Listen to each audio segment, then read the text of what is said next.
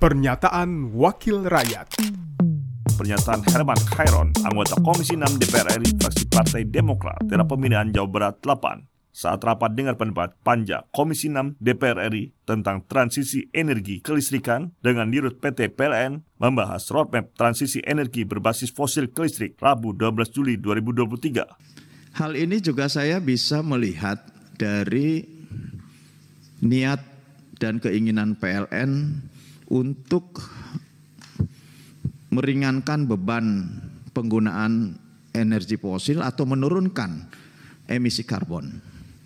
Tetapi pada sisi lain, ada hal yang menurut saya ini sangat anomali. Misalkan, kalau memang ingin mengurangi gas emisi karbon, kenapa kemudian sampai saat ini regulasi dan implementasi energi yang digunakan di atap ini lebih lebih banyak tantangannya, lebih banyak hambatannya gitu ya. Contoh misalkan untuk penggunaan pabrik-pabrik yang bisa saja kan kalau diwajibkan mereka pasti pasang gitu. Mudah nggak perizinan ini? Gampang tidak? Kan kalau saya coba berdiskusi dengan teman-teman pada hari ini untuk mendapatkan izin penggunaan eh, solar panel atap di pabrik kalau di rumah-rumah saya kira ini sudah mulai bebas. Tapi kalau untuk di pabrik kan masih ada banyak hambatan. Ada izin inilah izin inilah dan macam-macam gitu.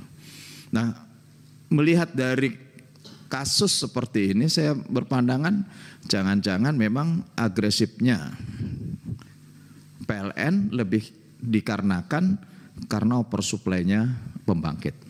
Pernyataan Herman Khairon, anggota Komisi 6 DPR RI fraksi Partai Demokrat, daerah pemilihan Jawa Barat 8, produksi TV dan radio Parlemen, Biro Pemberitaan Parlemen, Sekjen DPR RI. Pernyataan Wakil Rakyat